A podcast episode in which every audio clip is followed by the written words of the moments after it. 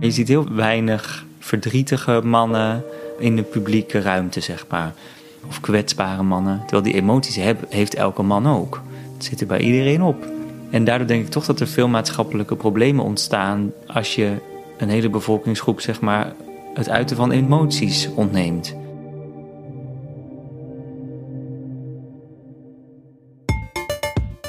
Welkom bij Wij zijn kunstenaar. In deze podcast gaan we op onderzoek uit hoe en of kunst kan zorgen voor een blijvende verandering. Als mensen seksistisch zijn of homofobe opmerkingen, dan spreek ik hen er gewoon echt op aan. Mijn naam is Diede Vonk en in deze serie spreek ik creatieve makers die onze wereld kritisch bevragen. Ze betrekken bij hun projecten gewone mensen uit de samenleving, zoals jij en ik. Alle mensen die meedoen aan de voorstelling krijgen dat gevoel van ik mag er zijn. Ik ben vrij om mezelf te ontwikkelen, te onderzoeken. Is het een illusie om te denken dat kunst echt iets kan veranderen? Of maken deze projecten daadwerkelijk impact op de makers, deelnemers en de wereld om hen heen? Zijn wij allemaal kunstenaar? Een man zijn, wat betekent dat? Lange tijd had ik geen idee. Ook niet wat of wie ik dan moest zijn met het lichaam wat me gegeven was. De buitenwereld reageerde op mij op een manier die niet goed voelde. Waar dat aan lag, ik wist het niet. De initiatieven waarover je zult horen hebben steun gekregen van het Vriendenloterijfonds. Ik hoop dat de makers en deelnemers die ik spreek me kunnen leren hoe zij met kunst een verandering teweeg brengen. Ik ga het ontdekken en neem je graag mee. Deze eerste aflevering draait om het project Boys Won't Be Boys. Een voorstelling bestaande uit een wervelende collage van jongens en mannen. Ze zingen, dansen, dichten, grappen, rappen of vertellen in wisselende samenstelling over hun persoonlijke levens. Ze bevragen het thema mannelijkheid. Wat betekent man zijn precies? En hoe wordt er tegen je aangekeken als je deze hokjes wilt verruimen? Daar ga ik het over hebben met initiatiefnemer Rickert van Huisteden, bassist Lito Mapjaya en performer René Strik. Ook hoor je muziek en teksten uit de voorstelling en een fragment uit de Bel Allard audioervaring die bij de voorstelling hoort. Maar we beginnen met Rickert. Ik spreek met hem af om bij mij thuis op te nemen. Hij heeft een zachte, open uitstraling. Hij draagt in het dagelijks leven regelmatig een jurk, maar vandaag is hij gekleed in een rood shirt, witte broek en roze sokken met allerlei verschillende vormen borsten erop afgebeeld. Op zijn borst draagt hij een speld met een hartje. Ik ben Rickert van Huisteden. Ik ben theatermaker en kleinkunstenaar. En artistiek leider van het project Boys Won't Be Boys. Boys Won't Be Boys is een theaterproject. Uh, waarin heel veel verschillende mensen de ruimte krijgen om zich te bevrijden van mannelijkheidsnormen. En dat laat ze dan zien door middel van allerlei theatrale genres, zoals mime, dans, zang, spel. De voorstelling heeft een hele diverse spelersgroep van mensen die voor het eerst op het podium staan, tot mensen die heel, heel vaak op podium hebben gestaan met diverse achtergronden en kwaliteiten.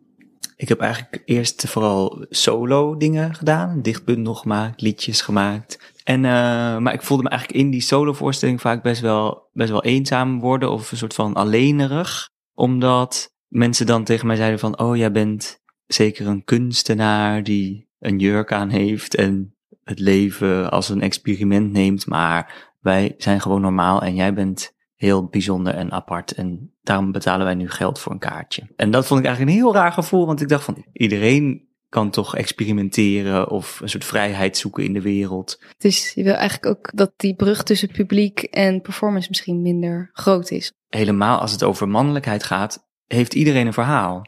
Dan heb je eigenlijk geen publiek. Dan heb je eigenlijk allemaal deelnemers. En sommigen zeggen iets en sommigen niet. Maar iedereen is wel onderdeel van het verhaal. Wie ook onderdeel is van dit verhaal is bassist Lito Mapjaya. Dit keer kom ik bij hem thuis met mijn opnameapparaat. Lito schenkt thee in en ondertussen verwonder ik me over de hoeveelheid planten die hij heeft. Er staan misschien wel 40 potten van eenzelfde soort vetplant. Sommige gigantisch, die zijn al wel 10 jaar oud, vertelt hij me, en sommige nog heel klein. Ik mag er zelfs eentje meenemen als ik dat wil. Lito Mapjaya is muzikant. Speelt al heel lang bas als ik zing. Maar had denk ik qua mannelijkheid altijd wel een beetje het gevoel van... Uh, volgens mij gaat dat niet over mij. Een stereotype man zijn, daar heb ik misschien wel een beetje last van gehad. Daar hebben denk ik bijna alle, alle mannen wel last van. Mijn beroep als muzikant dat toch best wel hard is soms. En dat je ook wel, ja, ik had toch een soort beschermingsmechanisme denk ik dat ik vaak emoties gewoon een beetje wegschoof. Ook spreek ik René Strik. René bezoek ik in zijn woonplaats Breda. Hij woont samen met Poes Harry, die heel graag met het gesprek mee wil doen. Een goed teken volgens René, want normaal vindt Harry het spannend als er vreemden zijn. En dus René Strik ken ik via stichting Emancipator. Dat is een stichting die zich inzet voor mannen-emancipatie. En René en ik hebben daar allebei trainingen gevolgd en gegeven. En René heeft eigenlijk nog nooit op een podium gestaan. Maar wel een heel mooi verhaal. En toen vroeg Rickert van, uh, vind je zou je het niet leuk vinden om ook mee te doen? En toen dacht ik, ja, maar hoe, met wat dan? Wat, wat kan ik dan? Toen heb ik het een poosje laten sudderen. En toen dacht ik ineens, volgens mij kan ik wel iets opschrijven. En de tekst hoe ik die nu voordraag in de voorstelling kwam er zo in één keer gewoon vloeiend uit. En toen dacht ik, oh, dit is misschien wel iets wat uh, in de voorstelling zou kunnen komen.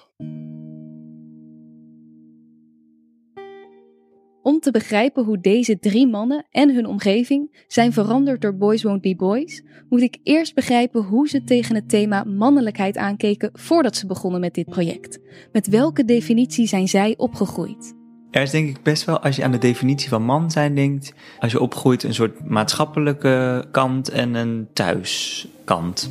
Mijn ouders waren heel open en vrij daarin. Uh, mijn vader is een hele lieve man, ik zou eigenlijk bijna niks stereotyp mannelijks op hem kunnen plakken. Uh, maar tegelijkertijd als kind heb je natuurlijk een soort maatschappelijke inzicht in wat is er op tv en hoe zijn de kinderen op school en hoe praten mensen in de wereld. En daar kun je in opvoeding niet zoveel aan doen natuurlijk. Ik heb het idee dat er voor mannen heel weinig ruimte is om jezelf te uiten. Dus dat de, dat de normen voor mannen best wel krap zijn. Dat het hokje man best wel klein is. En uh, dat als je daar buiten wil, dat er hele strenge controle op is. Dus zo'n scheldwoord als gay bijvoorbeeld, wordt op middelbare school eigenlijk het meest gebruikt van alle scheldwoorden. En dan gaat het dus eigenlijk over dat een jongen niet in het hokje man past. Als hij een kettingje draagt of een leuk hoedje op heeft. of een uh, arm om een andere jongen heen slaat. Dan uh, zeggen andere jongens weer gay, gay. En dan leer je dus om ja, soort typische stereotype man te worden. Behalve op de momenten dat er geen kritiek is, dus bijvoorbeeld thuis. Maar ik zou het fijn vinden als er dus voor iedereen, voor elke man, uh, ruimte is om zichzelf te zijn. En zich niet te erg bezig te houden met kan dit wel, mag dit wel. Uh, ben ik nu wel stoer of succesvol of sterk genoeg of aantrekkelijk genoeg?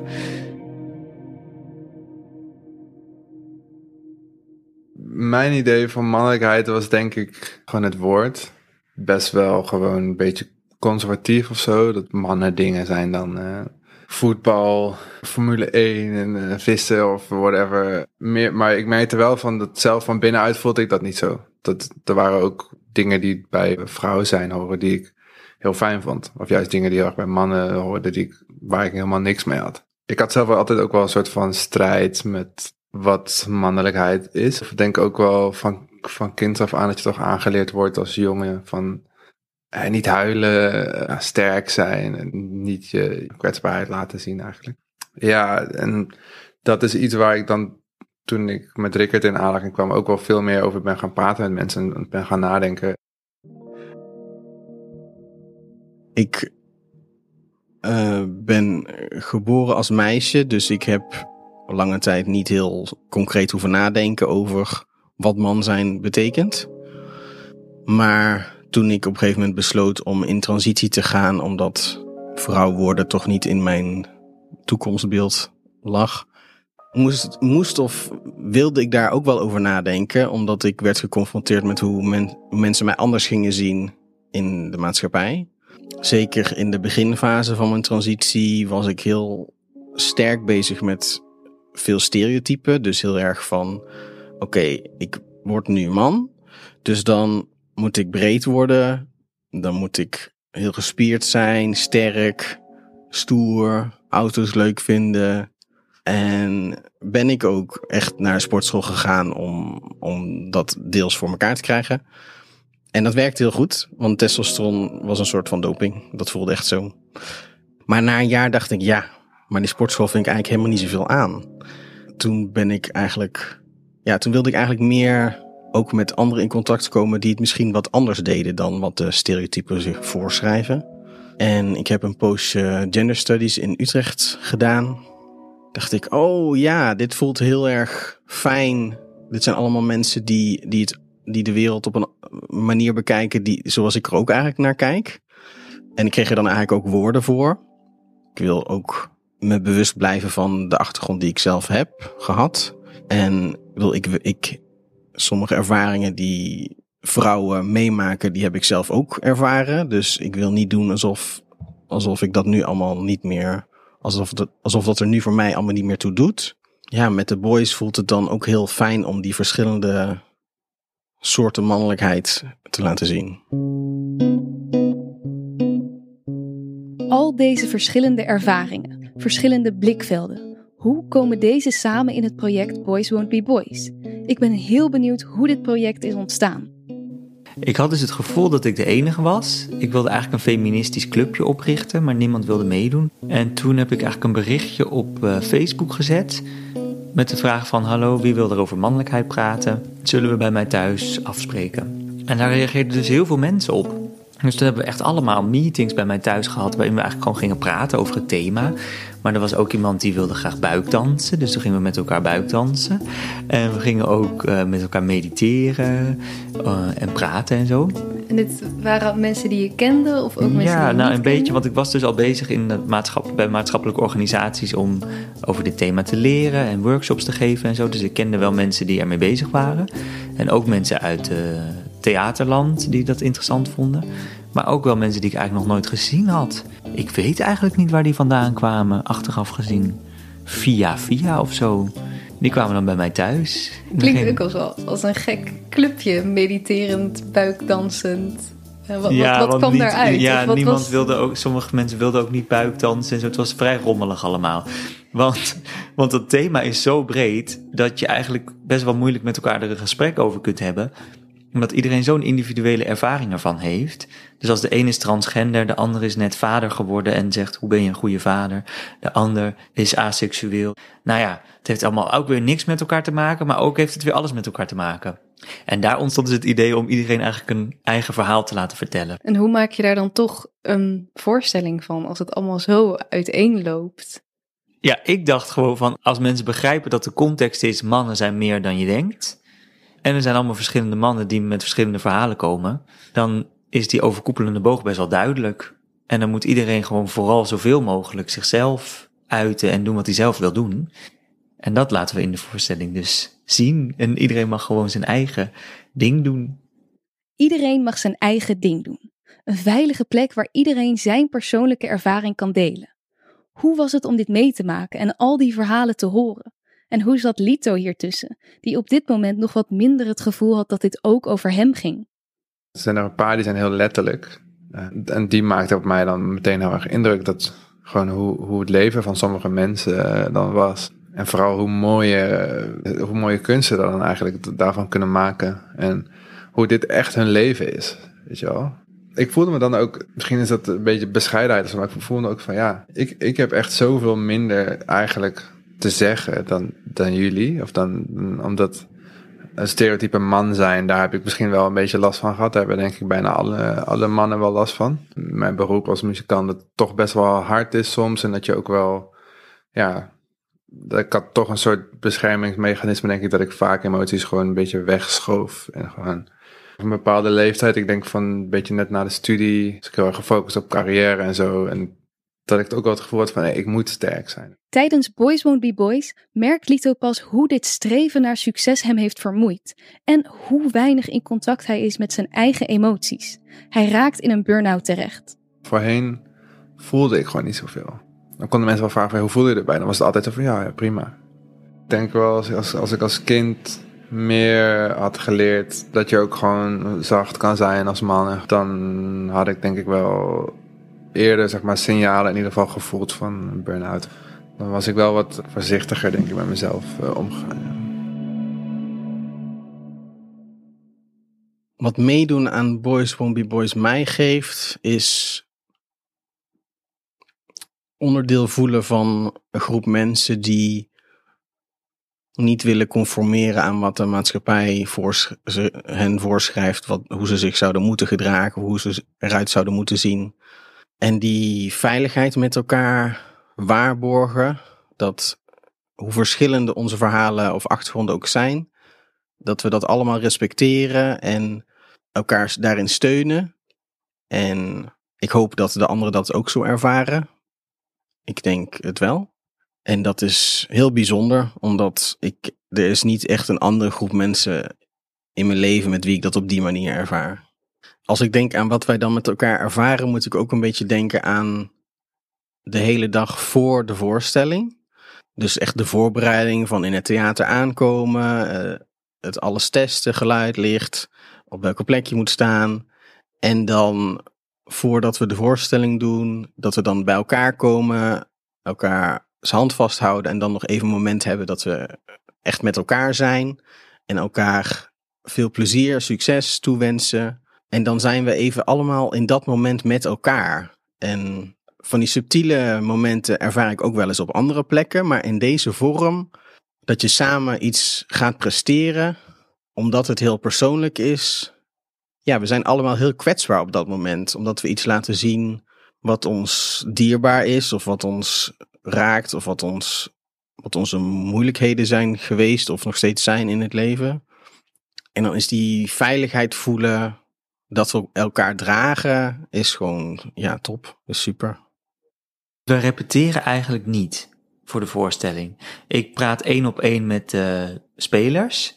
Soms is het leuk om wat uit te proberen op de vloer. Soms heeft iemand al iets af. Soms praten we erover en dan kijken we op de dag zelf wel.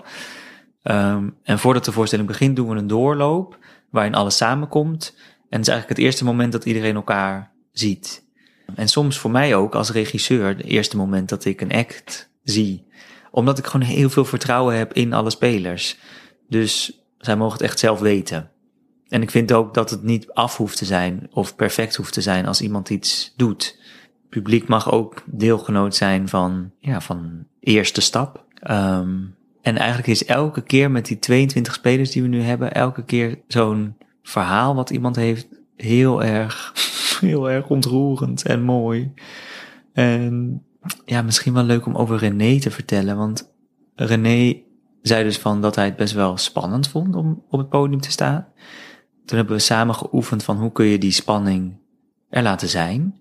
Dus als je begint met je verhaal, mag je misschien even de tijd nemen om te voelen dat je er staat, te voelen dat het spannend is. Mag je ook zeggen tegen het publiek van wow, ik vind het heel spannend om hier te staan. Even inademen, even uitademen. En toen deed René dat tijdens een voorstelling. Terwijl in theater is dat dus eigenlijk best wel gek, hè? Want in theater is eigenlijk het idee dat je altijd doet alsof je niet zenuwachtig bent. Maar dat, ja, waarom eigenlijk? Als je zenuwachtig bent, kan je het toch gewoon laten weten.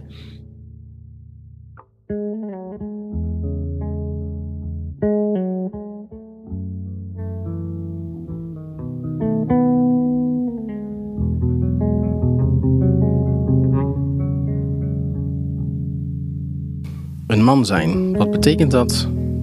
Lange tijd had ik geen idee. Ook niet wat of wie ik dan moest zijn met het lichaam wat me gegeven was. De buitenwereld reageerde op mij op een manier die niet goed voelde. Waar dat aan lag, ik wist het niet. Stereotypen volgen, me conformeren naar het hokje waarin ik geplaatst werd, het paste mij niet. Maar wat dan wel? Wat zou ik moeten voelen om een man te voelen? Stoer zijn, voetbal en auto's leuk vinden. Deze woorden en vooral hun betekenis hielden me tegen in mijn zoektocht. Anderen zien die net als ik vanaf geboorte waren geplaatst in een hokje die niet paste, gaven me het zelfvertrouwen mijn gevoel achterna te gaan. Het was dus echt mogelijk. Ik zou me beter kunnen voelen en mijn leven gaan leiden volgens eigen normen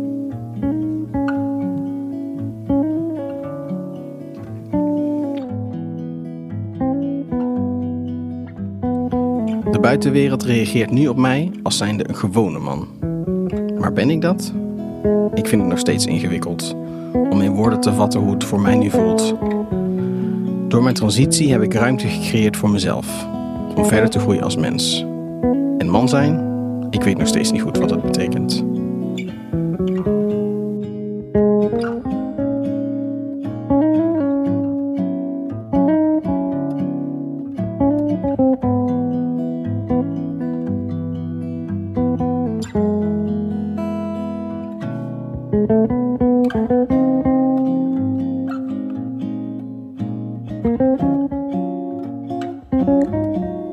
muziek van Lito en de tekst van René uit de voorstelling. Er zullen nu sommige mensen zijn die dan zeggen: Maar Nederland is toch een supervrij land. Uh, er zijn heel veel transgender personen. Um, dat, dat zie je overal in de media. Uh, is dat niet al lang hartstikke geaccepteerd? Nou, ik heb het idee dat het dan steeds gaat over het accepteren van individuen. En wat ik eigenlijk zie is een meer een maatschappelijk verhaal van voor iedereen zijn gendernormen best wel strikt. Sommige individuen zeggen ik doe daar wat mee. Die zijn bijvoorbeeld transgender of die uh, uiten zich op een andere manier. Die zijn misschien queer of en die vallen dan soort van buiten het normaal. Maar volgens mij is dat normaal voor heel veel mensen best wel krap en strak. En zouden veel meer mensen gebaat zijn bij een vrije opvatting daarvan. Dus ik zie die, die, die mannelijkheidsnormen of die gendernormen heel erg als iets wat voor iedereen geldt. En dat op het moment dat één iemand, een individu, daar uitstapt, dan zeggen we vaak van die moet geaccepteerd worden als individu. Um, en ik denk dat het fijn is om die normen voor iedereen ruimer te maken, omdat ik weet dat heel veel mensen, mannen, daar last van hebben. En die zullen het misschien niet altijd zo benoemen. Dus bijvoorbeeld woede zie je mannen vaak uiten, of soort grapjes. Maar je ziet heel weinig verdrietige mannen uh, in de publieke ruimte, zeg maar. Uh, of kwetsbare mannen. Terwijl die emoties heeft elke man ook. Het zit er bij iedereen op. En daardoor denk ik toch dat er veel maatschappelijke problemen ontstaan als je een hele bevolkingsgroep, zeg maar, het uiten van emoties ontneemt als je met mensen werkt die misschien niet opgeleid zijn tot speler. Ja. Mensen kopen natuurlijk wel een kaartje voor een voorstelling. Die willen ook iets zien waarvan ze denken, nou, hier heb ik uh, eh, 12,50 euro voor betaald. Ja. Hoe zorg je dan dat je toch ook een bepaalde kwaliteit bewaart? Ja, nu wordt het echt interessant. Want wat is kwaliteit? En wat verwachten mensen als ze naar een theater komen? Komt dus publiek naar de voorstelling, die komt niet omdat het een theatervoorstelling is. Maar zij komen omdat het echt is. Dus zij zoeken een hele andere kwaliteit dan iemand die gewend is naar het theater te komen.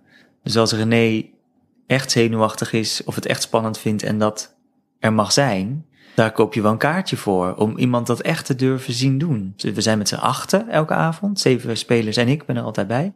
En dan zoek ik wel uit dat er een balans is tussen professionals en amateurs en uh, bepaalde genres. Dus waardoor het geheel eigenlijk zich elkaar versterkt doordat iedereen zo verschillend is. Als je je voorstelling representatief maakt, krijg je ook een publiek terug dat daar naar wil komen kijken, omdat het over hen zelf gaat. En wat ook zo is, dat we dus, omdat we echt zo'n maatschappelijk verhaal hebben, doorbreekt dat ook de vierde wand en soort van de grens van het theater heel erg. Dat vind ik een hele mooie zoektocht. Of theater ook een plek kan zijn waar je mensen betrekt bij wat je doet. In deze podcast zoek ik natuurlijk ook naar hoe je zo'n project groter maakt dan alleen het moment van de voorstelling. Hoe betrek je mensen er echt bij en zorg je dat publiek ook deelnemer wordt, zodat het ook in hun leven een grotere verandering kan ontketenen? Wij spelen dus de voorstelling en ik denk dat het heel fijn is voor mensen dat ze dan gewoon mogen kijken. Maar ze kunnen wel tijdens de voorstelling ook naar elkaar kijken, omdat het publiek in het licht zit en een beetje tegenover elkaar zit ook. Maar pas na afloop van de voorstelling uh, komen eigenlijk alle verhalen los van de mensen die hebben gekeken. En dan gaan we met het publiek praten over de voorstelling. En zij gaan met elkaar praten. Dan begint het pas echt eigenlijk. Want mensen willen ook niet meer weg. En als daar een mooi verhaal tussen zit, dan kan die volgende keer misschien meedoen in de voorstelling. Alle mensen die meedoen aan de voorstelling krijgen dat gevoel van ik mag er zijn. Ik ben vrij om mezelf te ontwikkelen, te onderzoeken. En die mensen bewegen allemaal in de samenleving en die kennen ook weer mensen en die hebben weer familie en ouders en die gaan weer nieuwe projecten zelf opzetten. Dus iemand die een fotoboek wil maken en dan foto's gaat maken van spelers. Spelers die met elkaar gaan samenwerken in andere projecten. Uh, dat vind ik ook heel fijn om te zien. Dat hoop ik wel steeds meer. Dat de spelers eigenlijk steeds meer zelf verantwoordelijkheid nemen en voelen van met die naam en met, die, met het onderwerp kunnen we ook zelf aan de slag. En dat ik daar niet altijd bij hoef te zijn. Dus wat dat betreft is het, is het echt een olievlek. Um, en met het publiek is dat ook zo natuurlijk, dat die naar de voorstelling komen kijken. En weer iemand meenemen of erover vertellen aan iemand of erover napraten. Uh, dat spreidt zich heel ver uit, denk ik. Jong, oud, vrouw, man. Uh, ik denk ook allerlei verschillende genders. Ook mensen waarvan je denkt van, wat hebben die nou uh, aan een voorstelling over gender? Maar die dan toch helemaal een soort van, helemaal aan het huilen en helemaal, helemaal diep geraakt. Dus dat, dat vind ik altijd heel mooi om te zien.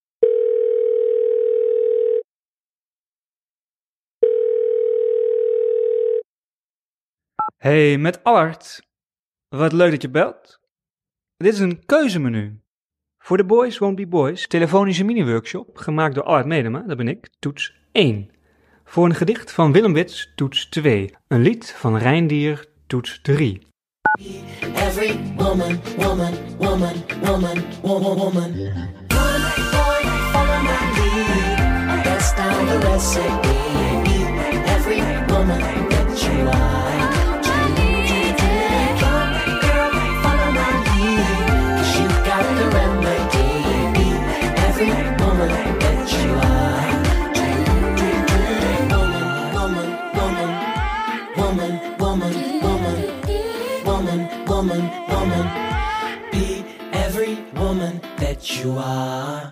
Zoals je hoort kunnen bezoekers voor of na afloop van de voorstelling nog een aantal teksten, muziek en meer terughoren via een belervaring.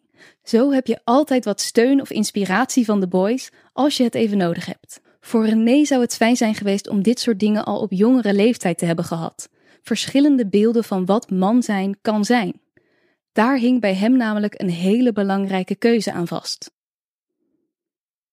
De verwachting is dat mannen zo moeten zijn en dat er niet veel ruimte is om dat anders in te vullen. Toen ik zeg maar naar het, het ziekenhuis ging om me aan te melden, dacht ik ook, waarom voel ik me man? Dat, dat, die stereotypen hielpen daar deels ook bij, maar aan de andere kant ook weer niet. Want als ik aan de stereotypen zou moeten voldoen, dan ben ik dan wel man. Omdat, ja, wat is dat gevoel? Als ik aan vrienden of vriendinnen vraag waarom voel jij je vrouw of waarom voel jij je man, dan kan bijna niemand daar antwoord op geven. Dus waarom zou ik dat dan wel moeten kunnen? Ja, ik vond het ook best wel lastig omdat ik degene ben die bepaalt of dit pad goed is voor mij. Ik ben de enige die iets over kan zeggen en die beslissing kan nemen en pas later weten of dat ook echt goed was. Dat kwam gelukkig later ook wel, toen ik eenmaal begon met testosteron na een paar maanden dacht ik, ja, dit is inderdaad stukken beter dan hoe het eerst was. Klinkt ook wel eenzaam misschien. Ja, het was op momenten best wel eenzaam. Ik heb toen ook contact gezocht met uh, gelijkgestemden, dus andere transpersonen. Om gewoon te spreken met, ja, hoe doen anderen dit? En dat was super fijn. Ik weet nog de eerste keer dat ik andere transmannen zag. En dat ik dacht, wow, dit kan gewoon. Ik heb ondertussen ook al best wel vaak mijn verhaal verteld. Dat dat ik ook een soort stand kan aanzetten dat ik niet persoonlijk heel erg op dat moment daar ben, maar het meer een soort van feitelijk vertel. Omdat het anders soms te diep gaat elke keer om daar helemaal in, die, in dat gevoel te gaan. Het voelt niet altijd als mijn keuze om daar naartoe te gaan. Ik bedoel, het is natuurlijk wel mijn keuze om daar te staan en mijn verhaal te doen. Maar dat is soort van gecontroleerd.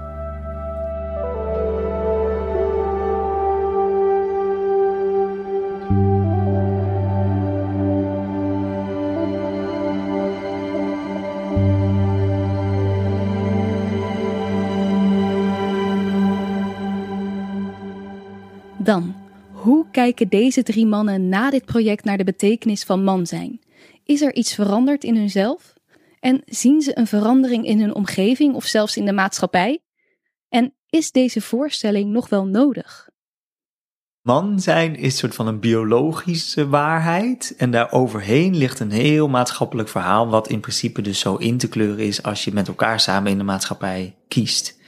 En wij kiezen dus voor deze ruimte, ruimte om dat gesprek te voeren, dat open te breken, dat is denk ik heel belangrijk nu om die positieve voorbeelden te hebben voor mensen. Want die normen zijn sowieso in verandering. Dus daar spelen we denk ik ook echt in op een behoefte van de maatschappij. Dus mijn idee over man zijn nu is dat het allemaal heel verschillend kan zijn. En dan wordt natuurlijk wel een beetje de vraag, wat is er dan nog man aan? Boys One Boys zit, bevindt zich wel in de huidige tijd van, er is een idee dat boys will be boys. Die hebben nou eenmaal onverantwoord gedrag, wat we allemaal irritant vinden. Um, en wij zeggen boys won't be boys, van nee, wij nemen verantwoordelijkheid voor ons gedrag en wij weten dat we daarin keuzes kunnen maken. Dus we verhouden ons wel tot een idee wat er bestaat in de maatschappij en daar willen we van los. En de vraag is van wat zit daarachter? Dan uh, komen allemaal hele mooie dingen. Maar dat moeten we ook nog met elkaar verder gaan onderzoeken. We zijn pas net begonnen eigenlijk. Hoe was dit voor Lito en René? Op wat voor manier staan zij nu anders in het leven? Ik heb sowieso niet zo heel snel oordeel over mensen. Ik ben best wel open. Maar ik zou wel misschien af en toe in dat soort stereotypes kunnen vallen. Of een soort grapje kunnen maken of zo. En dat soort dingen doe ik nu gewoon echt niet. Als mensen seksistisch zijn of homofobe opmerkingen. Dan spreek ik er gewoon echt op aan. En nu ben ik gewoon veel bewuster daarvan. Van dat dat soort dingen heel erg belangrijk zijn om ja, niet in mee te gaan. Zelfs met racisme. Ook al zit ik met uh, alfa mannetjes aan tafel en maak ik de sfeer kapot, boeien. Het is gewoon belangrijk. Gewoon die ruimte neem ik nu wel in. Voor mij is het ook vaak dat ik gewoon het gesprek aanga met mensen om mij heen die misschien daar niet mee bezig zijn. En ze bevraag waarom ze dingen doen zoals ze die doen. En omdat ik vanuit mijn vroegere positie als meisje een andere ervaring heb van niet het privilege hebben van alles kunnen zeggen en dat er naar geluisterd wordt, vind ik het belangrijk om nu die ruimte ook te blijven geven aan mensen die die positie in de maatschappij niet automatisch krijgen. Rickert zegt aan het einde van de voorstelling ook altijd: Dit is helemaal geen voorstelling, dit is ons leven. En dat vind ik altijd een hele rake zin, omdat dat is ook zo. Op dat moment doen we inderdaad een performance, dat is voorbereid. Maar het is niet een script. Het is ervaringen die we uit ons eigen leven hebben. En mensen dat gevoel geven dat ze hun verhaal mogen delen. Dat wij ook maar een ervaring hebben. En dat ieders ervaring ertoe doet. Er leeft dus nog steeds een bepaald beeld van mannelijkheid vandaag de dag. Rickert krijgt nog steeds wel eens vervelende opmerkingen als hij een jurk draagt. Heeft het dan zin gehad? Moeten ze niet nog harder werken om de hokjes te doorbreken? En zou Rickert niet heel Nederland of de hele wereld willen veranderen? Ja, maar dat is denk ik het hele mooie van de wereld. Dat er allemaal verschillende mensen op de wereld zijn. En dat die allemaal ook niet met elkaar kunnen opschieten. Nee, ik bedoel, niet iedereen hoeft met elkaar op te kunnen schieten. Je mag ook langs elkaar heen leven. Ik laat meer zien van, er is een deurtje uit het hokje man. Je kan er doorheen, kijk maar, wij laten zien dat er een deurtje is. Dit is hoe het eruit ziet als je buiten dat hokje bent. Ja, doe maar als je wilt. En als je niet wilt, ja, maakt mij in principe persoonlijk niet uit. Maar ja, ik vind dat mannen moeten ook uh, voetbal kijken en bier mogen drinken. Maar ze mogen ook kwetsbaar een uh, dans doen. Ik moet kleine stapjes maken. Dus mijn doel is met de mensen waar ik nu deze voorstelling mee heb, uh, een fijne sfeer maken, een mooie persoonlijke ontwikkeling doormaken en daar mensen bij uitnodigen die daar geïnspireerd door kunnen raken en daar zin in hebben. Dat is een hele grote beweging al. Maar dat zijn nog steeds, dat is niet heel Nederland. Maar dat is wel heel veel voor mij om te dragen. Uh, en ik vind dat wel uh, genoeg. En, en hoe het dan weer verder uitkristalliseert en waar die mensen die er allemaal komen kijken weer gesprekken over hebben. En dat hoef ik gelukkig allemaal niet uh, te weten. Dus ik moet zorgen dat ik zelf mijn activisme doe door iets waar ik energie van krijg en waar ik blij van word. En ik word blij van allemaal mooie, lieve mensen ontmoeten. Mm -hmm. En ik word niet zo blij van mensen die boos op mij zijn. Daar hoef ik niet per se mee af te spreken. Dus ik heb een ei gelegd en wat er uit dat ei komt, dat loopt zelf ergens heen. Ja. Dat kuiken. Dat kuiken loopt zeker ergens heen. En de voorstelling Boys Won't Be Boys ook. Die is namelijk nog te zien door heel het land in 2021 en 2022.